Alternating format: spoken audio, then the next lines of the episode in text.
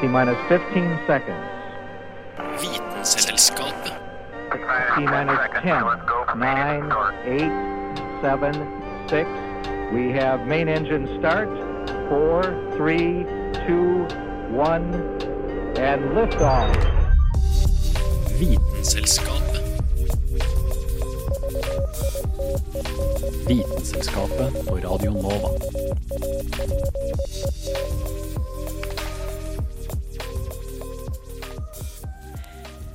Hei og velkommen til enda en utgave av Vitenselskapet. Vi sitter klare her i studio, og det er en god del armer og bein her. Eh, Jeg har nemlig med meg to eminente eh, medlemmer. Anna Vik Rødseth Hallo. og Karl Adamskvam. God dag, god dag.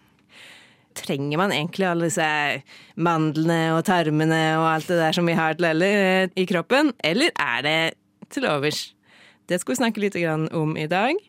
Eh, vi skal også snakke om kroppens reservedeler, altså ting som kanskje er til overs, men også ting som vi kanskje har mista på vår evolusjonære vei. Så eh, det gjelder bare å holde seg fast. Eh, kanskje finner du ut om du må holde litt bedre fast på tingene dine, eller om det bare er å kutte i vei. Mitt navn er Kristin Rydland, og du hører på Vitenselskapet. Vitenselskapet. Vitenselskapet på Radio Nova.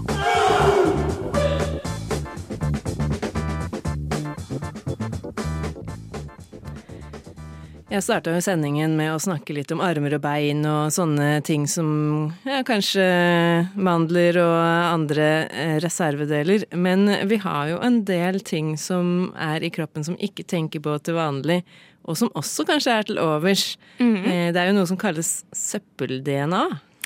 Ja, eh, i hvert fall populært så blir det kalt søppel-DNA. Men for å forklare hva søppel-DNA er, så må jeg først liksom forklare eh, det sentrale dogme, som det heter i biologien. Eh, som egentlig er på en måte Eller det beskriver synteseveien fra DNA, som er oppskriften vår, til proteinene våre, som på en måte har den eh, funksjonen i kroppen vår som gjør oss til den vi er, i prinsippet. Så vi har på en måte DNA som kan lage RNA. Så har vi RNA som kan lage protein. Um, og de delene av vårt DNA som koder for proteiner, er faktisk bare 2% av hele DNA-sekvensen vår. Det er jo nesten ingenting. Ikke sant? Så det betyr jo at 98% av vårt menneskelige DNA er såkalt søppel-DNA. Så det er bare å kaste det i søppelkassa, da? Ja, det er jo sånn det høres ut som da, når man sier søppel-DNA eller junk-DNA. Men sannheten er jo at man faktisk trenger dette. Eh, Så man kan ikke bare snippe vekk eh, nesten egentlig hele DNA-et vårt. Men hva er det man trenger det til? Eh, Det er vel en grunn til at man kaller det søppel-DNA? Ja, Grunnen er jo fordi at det ikke koder til disse proteinene som man kan eh, Som har en helt spesiell funksjon, som f.eks. hormoner som styrer utviklingen vår og veksten vår, og enzymer som katalyserer alle reaksjonene våre. Disse delene av DNA-et, eh, som er da dette junk-DNA, eller ikke-kodende DNA-deler, eh, de koder for andre typer ting som ikke er proteiner. Som for eksempel vi har jo, som jeg sa i begynnelsen, vi har DNA som kan lage RNA. Og dere har kanskje hørt om mRNA i disse Pfizer-vaksinene f.eks., som er da på en måte forløperen til dette spike-proteinet på koronaviruset. Så har vi andre RNA-molekyler, f.eks. rRNA, tRNA, mikro-RNA. Det ble mye RNA Det her er, nå. og det er mer enn det. Vi har jo tross alt 98% som er såkalt søppel-DNA, så det er mye RNA å hente. um, men disse molekylene uh, er jo da med på å lage disse proteinene, men de blir ikke proteiner selv. Men så uten disse RNA-molekylene så vil vi ikke klare å lage disse faktiske proteinene som har en funksjon, på en måte. Ja, altså hvis jeg kan prøve meg på en metafor her. Ja. Så i ei oppskrift så står det jo at du skal ha egg og sukker og mjøl. Men så står det ikke nødvendigvis spesifisert at du må ha det i en pose og en bolle. Eh, og så ja, akkurat det store landskapet rundt. da. Det går rett på sak for å logge mat, som da blir som å logge proteiner. da. Ja, det var jo egentlig ganske bra analogi, vil jeg si. For det, det er jo Ja, det er bra. Og så har vi jo andre typer eh, ikke-kodende DNA-sekvenser i DNA-et vårt, som også ikke har en direkte funksjon, men som er med på å beskytte oss. Som for eksempel eh, på enden av alle kromosomene våre så har vi noe som heter telomerer. Eh, og det er egentlig bare eh, deler av repeterte sekvenser. Sånn kjempemye repeterte sekvenser som går om og om igjen på endene. Og det er bare for å beskytte oss mot å ikke Sånn at DNA-et vårt ikke forsvinner helt. For hver gang DNA-et vårt kopieres, som det jo må hvis man skal dele en celle, da er det litt og litt som kuttes av DNA-et. Det er sånn det skjer i biologien, på en måte. Og da er det veldig smart å ha disse repeterte sekvensene som egentlig ikke har noe å si for din funksjon. Så det er eh, rett og slett reservedel, da. Det er en reservedel, men det er en reservedel som beskytter de sekvensene som faktisk er viktige for deg, som er, ligger lengre inne på kromosomet. Så ja, det er jo på en måte junk, eh, akkurat de endene av kromosomene våre, men uten det så hadde vi jo blitt sykere mye fortere, fått mange flere genetiske sykdommer. Vi hadde eh, eldres mye fortere. Så det er jo ikke søppel, selv om det ikke er koder for protein. Bedre enn sitt rykte, da, med andre ord. Det har kanskje fått litt ufortjent dårlig navn. Ja, fordi vi det er kan ikke kalle det ekstra-DNA, eller eh, noe annet som er litt eh, reserve-DNA. Nei, kanskje ekstra-DNA er bedre. Eller ikke-kodene DNA, som eh, Ja, man men, ofte bruker. ja, men det høres på en måte ikke så enkelt kult og kult ut, da. Så jeg kommer til å si ekstra-DNA, ikke søppel-DNA, fordi at det fortjener det rett og slett ikke. Oh, it's fun. I mean, the natural world is just fun. Du hører på Vitenselskapet på Radio Nova. What more do you want?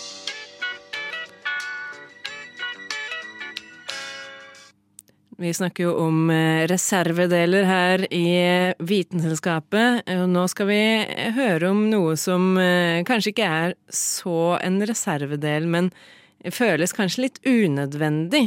Eh, Og det her er noe som kan kureres ved å eksempel drikke et glass vann, spise en skje med sukker, puste i en pose.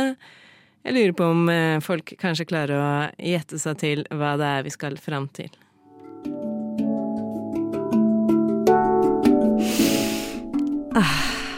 Så deilig å puste fritt. La mellomgulvet trekke seg jevnt sammen, og la lufta strømme inn i lungene etter hvert som lungene trekkes med av mellomgulvet. Hæ? Hva var det?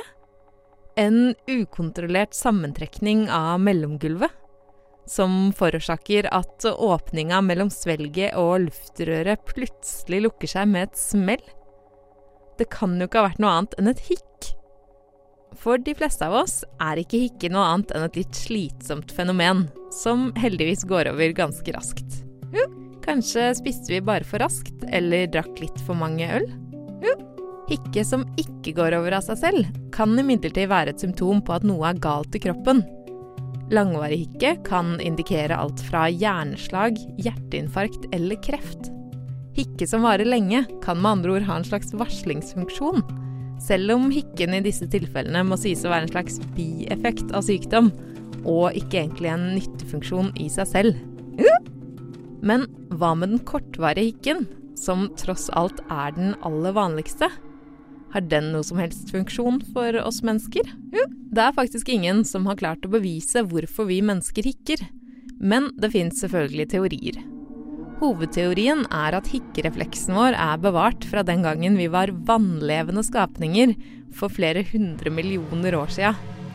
Skapninger som både har lunger til å puste i luft og gjeller til å puste i vann, trenger nemlig en mekanisme i hjernen som beordrer svelget til å stenge av lungene når munnen trekker inn vann. Denne mekanismen kalles CPG, Central Pattern Generator. Man finner denne CPG-mekanismen i hjernen til f.eks. rumpetroll i dag. Og forskerne tror at også menneskene har en CPG-mekanisme i våre hjerner. Men hvorfor har vi fortsatt en mekanisme for å stenge av lungene for vann? Det er jo hundrevis av millioner av år sia at vi levde i vann. Eller det er jo sant for alle menneskestadier bortsett fra ett. Fosteret ligger jo omringa i fostervann og blod. Forskerne har en teori om at for fosteret kan hikking være en måte å trene på å puste med lungene. Ved å klappe igjen åpninga mellom svelget og luftrøret hindrer fostrene at fostervann kommer inn i lungene. Så hikking, altså CPG-mekanismen, er antageligvis nyttig for fosteret i å trene på å puste. Og siden man ikke bare blir kvitt områder i hjernen etter at man er blitt født, må vi mennesker tåle at hikken melder seg fra tid til annen, også etter at vi er ute av fostersekken. Hvis eh, du syns det er slitsomt med hikke, så kan du trøste deg med at du antageligvis ikke er like uheldig som den amerikanske bonden Charles Osborne eller tenåringen Jennifer Me. De hikka nemlig henholdsvis 68 år og over 50 ganger i minuttet i fem hele uker. For ikke snakke om Mr. Hiccup, som jo lider av kronisk hikke. Hun som hikket seg gjennom dette innslaget, var Hanne Grideland. Hæla i taket med Vitenselskapet.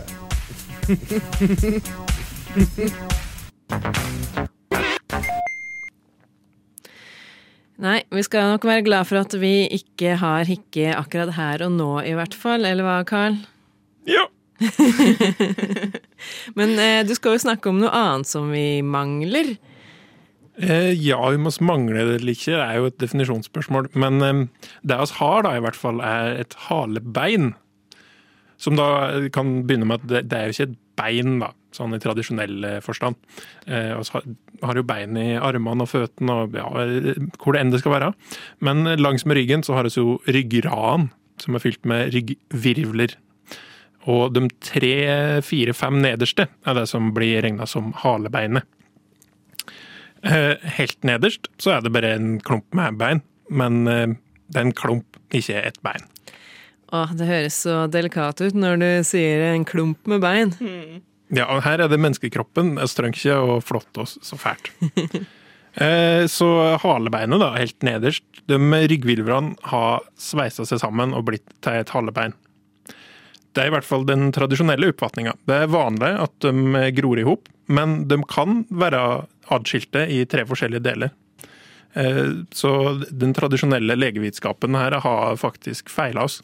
Fordi jeg har alltid lært at eh, det sveisa seg sammen nederst der til et halebein, men det kan være i tre deler. Men eh, det er i hvert fall rett over rumpesprekken, så skulle det vært en hale. Men den har oss jo ikke. Dessverre. Tenk så kult det hadde vært. Løpe rundt med haler. Hvis vi hadde hatt hår på den, så kunne man hatt sånne ulike frisyrer. Men hadde vi hatt hår på halen hvis vi hadde hatt en hale? altså, Jeg tror ikke det. Det hadde vært som en rotte. tror du det hadde vært som en rottehale? Ja, Men eh, det må jo være litt mer som en sånn apehale, og de har jo ofte hår på. Men kanskje det er litt sånn hår sånn som i hår på beina? Ja, ja. At det ikke er sånn hodehår, mykt og eh, luksuriøst. Dessverre så får vi jo ikke noe svar på det her. Nei. Eh, Nei, vi får se, da. Eh, ja, så den, det halebeinet har ikke egentlig noe funksjon, siden vi ikke har hale. Eh, det kobler sammen noen sener og muskler og ligament. Men det oss kunne jo klart oss ut av, sånn egentlig. Og det, som dere var inne på, da, så mista oss halen for ca. 25 millioner år siden. Det var da eh, apene kom fra. Og så er jo aper, også mennesker òg. Um, det er mulig at den forsvant umiddelbart eh, i løpet av et par generasjoner, liksom. Og det har med skrot-DNA å gjøre, som du jo prata om, Anna. Eh, fordi det er ikke sånn at det var sekvensen i eh, kodinga til proteinet som endra seg, men at det kom inn et alu, eh, altså en liten feil i eh, den delen som har med oppbygginga å gjøre. Og så kom det en liten en til som gjorde at de tvinna seg sammen, og kroppen sin egen mekanisme for å korrigere det her slo ikke til. Så plutselig da, kunne du ha en bestefar med hale, og så du sjøl Nei, jeg jeg er moderne, jeg har ikke hale. Det er passé. Unnskyld meg. Um, ja, den halen trengte oss jo ikke så mye lenger heller. Og så hadde det kommet ned fra trærne, så det er litt lettere å balansere når du står på flatmarken på ei tregrein. Eh, I tillegg så er halen nyttig til å kommunisere, kroppsspråk. Men også har jo resten av kroppen å kommunisere med, så det, den halen kunne utgå. Så det du sier er at det at vi mista halen, var egentlig en feil, og vi kunne hatt hale hvis historien hadde gått litt annerledes. Hvis ikke en viss liten klynge med aper hadde bestemt seg for at de skulle føre slekta videre. Eh, ja, det spørs om den hadde forsvunnet med tida lell, siden den er unyttig. Men det jeg kan fortelle dere, er at eh, dere har hatt hale begge to. Nei, ikke si det. Jo, sædcellen, eller som bare handler meg. Å, Nei, nei. det for så vidt. Ja. Men eh, det som er at eh, når vi er i mors liv, i eh, uke sånn seks-sju, så har oss alle en hale. Og det er en ordentlig hale med, rygg, eller med virvler inni. Med titthårde virvler. Så det, det er faktisk Alle oss har hatt hale. Og så forsvinner det til åt det. Se de aller fleste. Men, men, Men noen har hale. at folk blir født med hale. Å, det er og det her, ja, hvis den vil, så kan slå opp det her på internett og finne bilder av det. Mm. Du lurer på hvordan det ser ut. Ser ut som en litt lang pysjesnabb, kanskje. Ja, for du snakker ikke om menn, liksom. På en måte. De Nei, jeg snakker ikke om den halen som er foran. Nei. Nei. Så ja, halebeinet har jo sin nytte blant dem, men det blir som regel operert bort, da, den halen.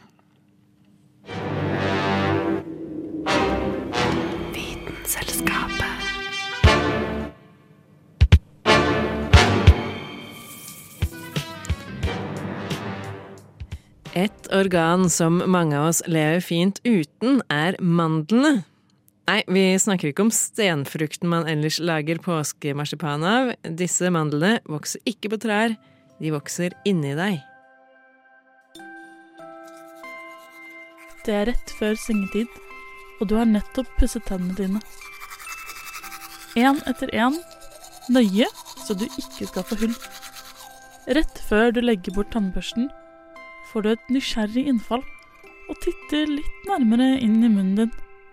Du gaper høyt opp. Ah. Og dytter forsiktig ned tunga for å kunne se bedre på hva som ligger gjemt bak. Det første du legger merke til, er en liten boksesekklignende ting som dingler midt i svelget. Drøvelen. På hver sin side av drøvelen legger du merke til to rosa, ruglete kuler. Ja, hvis du ikke allerede har fått de fjernet, da. For her sitter nemlig mandlene dine.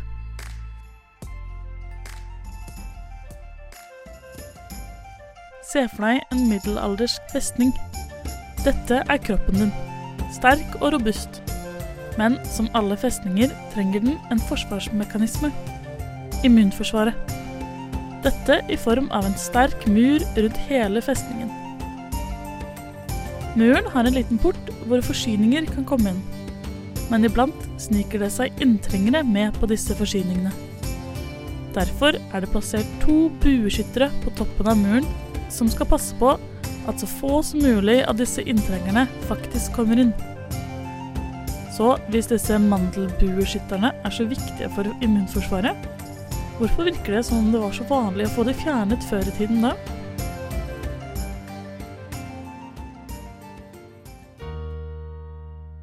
I fire- til tiårsalderen er mandlene mest aktive.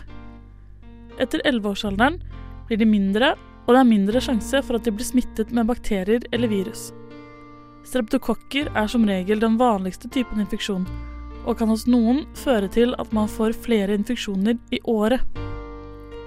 Før i tiden var den letteste løsningen bare å fjerne mandlene, kvitte seg med problemet. Det var også få komplikasjoner ved fjerningen av mandlene, så det kunne virke som den beste løsningen. Forskjellen nå til dags er antibiotika. De fleste infeksjoner man kan få i mandlene, kan lett og relativt smertefritt bekjempes med en god dose moderne antibiotika. De fleste leger foretrekker derfor å prøve andre alternativer før man fjerner mandlene, ettersom kirurgi alltid medfølger en viss risiko. I dag er det som regel veldig strenge kriterier som må bli møtt før man får lov til å fjerne mandlene, ettersom man har tryggere alternativer.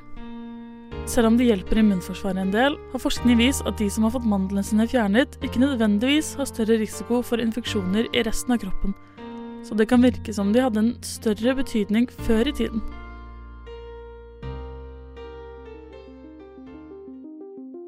I likhet med månen som svever rundt oss på nattehimmelen mens du pusser tennene på kvelden, har også mandlene små kratre eller groper som matrester og andre små bakterier kan sette seg fast i. Etter hvert dekkes disse bitene med lag på lag av kalsium og former små, harde klumper på mandlene. Litt på samme måte som perler formes inn i en østers, kan vi vel si at disse mandelstenene er kroppens egne illeluktende, plagsomme perler. De er ikke farlige, men kan være vonde å ha bak i svelget. Så hvis du ser noen hvite klumper på mandlene dine, ville jeg anbefalt å få de fjernet. Kanskje du til og med kan lage et fint smykke av dem? Den lille mandelen som sto bak denne saken, heter Julianne Lifjell. Å vite vet Vitenselskapet.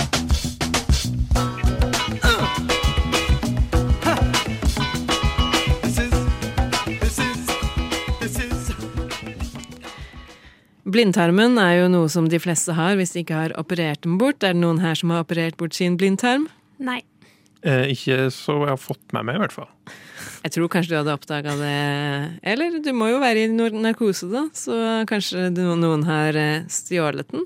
Det var den gangen jeg våkna i et badekar i Pru. Ikke sant? Det fortalte du om. Stemmer det? Ja, nei, eh, det høres ikke så veldig bra ut, Carl. Du burde kanskje gå til legen og få sjekka om du har liksom alt på innsiden her. Eh, Men det jeg lurer på, er eh, Vet dere hva mandlene og blindtarmen har til felles? Du kan leve uten de. Ja, OK. ja. men det var Den var, den var, litt, den var litt for åpenbar. Jeg mener noe annet bortsett fra det, da. Formen? Nei, det kan ikke være formen. Nei, det er ikke formen, fordi blindtarmen, eller blindtarmsvedhenget, som er det vi tenker på når vi sier blindtarmen, eh, det er jo en eh, liten tott, eller en liten ormlignende utvekst, som er på bunnen av eh, tykktarmen. Eh, og den, den heter faktisk ormelignende på latin. Appendix vermiform, og det betyr ormforma eller markforma. Så en mandel og, som er mandelforma, og en markforma tarm, de ligner ikke så veldig på hverandre. Men det de har til felles, er at de faktisk har litt sånn samme vev. Eh, For dette vedhenget, blindtarmsvedhenget, eh, det er jo egentlig bygd opp som tarmen generelt, men den er særlig rik på lymfatisk vev, og det er samme slag som man har i mandlene. Så blindtarmsvedhenge eh, kalles gjerne en tonsill, da. Eh, så man trekker likhetstegn mellom, eh, mellom disse to. Og da er jo også spørsmålet hva er poenget med blindtarmen? Har den en funksjon, eller kan man fjerne den? Man har jo fjerna blindtarmen på mange personer, og de har jo ikke dødd. Nei. Så man skulle tro at blindtarmen ikke har noen funksjon, og det var det man trodde kjempelenge. Eh, da antok man at det var bare noe sånt som var blitt til overs når resten av eh, tarmsystemet ble lagd. Så var det liksom Kroppen hadde bare en sånn Nei, det har vi ikke bruk for. eh, Den, den, den krymper inn, og den henger bare der som en sånn der flagrende eh, gevant på enden av tarmen. Men det viser seg at den har jo faktisk en funksjon. For litt sånn som mandlene, den eh, har jo en funksjon for å være betennelses- eller immunforsvar, da. Mm. At den, at den hjelper på immunforsvaret.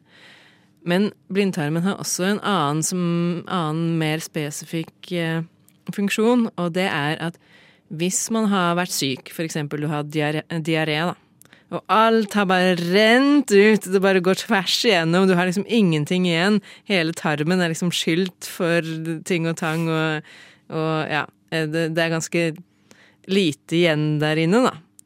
så er det et slags reservelager med gode bakterier som ligger da inni denne lille Posen, ja. posen. En, en slags eh, bakteriepose Mm. som da eh, bakteriene kickstarter resten av tarmsystemet, slik at du relativt raskt får eh, gode bakterier igjen da, i tarmsystemet, og da blir du jo frisk, frisk. Frisk, som en Ja. fisk.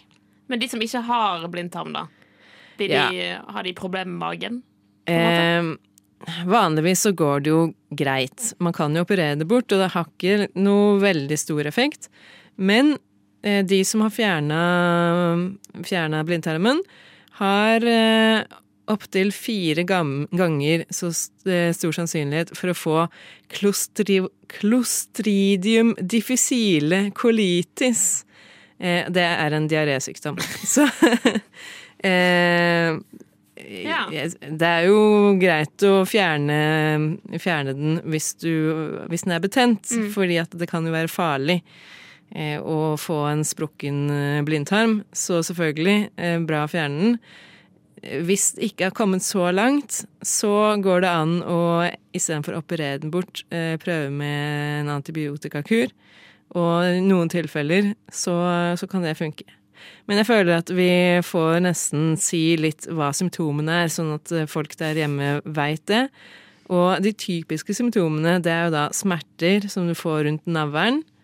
Og så gradvis, i løpet av ca. tolv timer, eller innen tolv timer, så flytter smertene seg ned nedover mot høyre del av magen. Og hvis du da føler deg uvel, kvalm, eh, kaster opp eh, og har feber, da tenker jeg da bør du oppsøke Ja. legehjelp. så um, Men det som er godt nytt, er at eh, du kan snippe den av. Eh, men prøv å unngå det hvis du kan unngå det.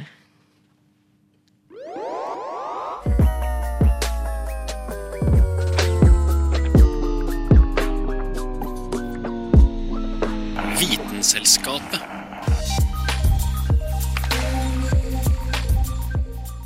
Vi er dessverre ved veis ende, og vi har jo snakka litt om kroppens reservedeler i dag. Jeg lurer på, Anna og Carl, hvis dere skulle valgt en kroppsdel som dere eh, ville fått operert bort akkurat nå hvis, hvis det er sånn, ja, ut av studio, rett inn eh, på operasjonssalen, eh, du må miste en kroppsdel, hva ville dere valgt? Jeg hadde gått for torso. Oi! Hele overdelen, med Hele andre ord. Da kunne det bare vært flytende hugge, flytende armer og flytende føtt. Det hadde vært veldig spennende. Det, det forutsetter at det fortsatt hadde fungert i tandem, da.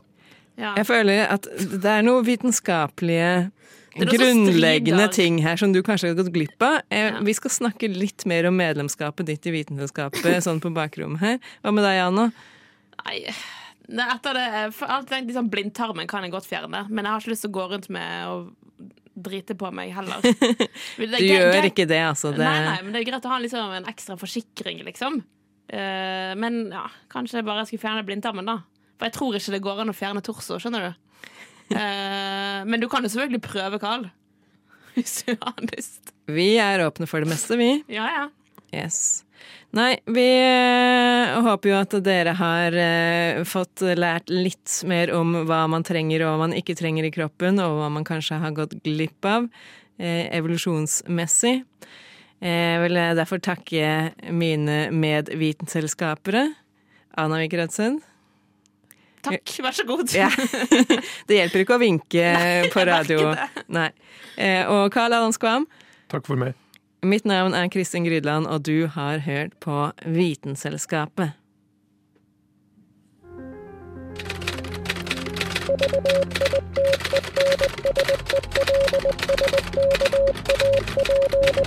Just want to tell you both good luck.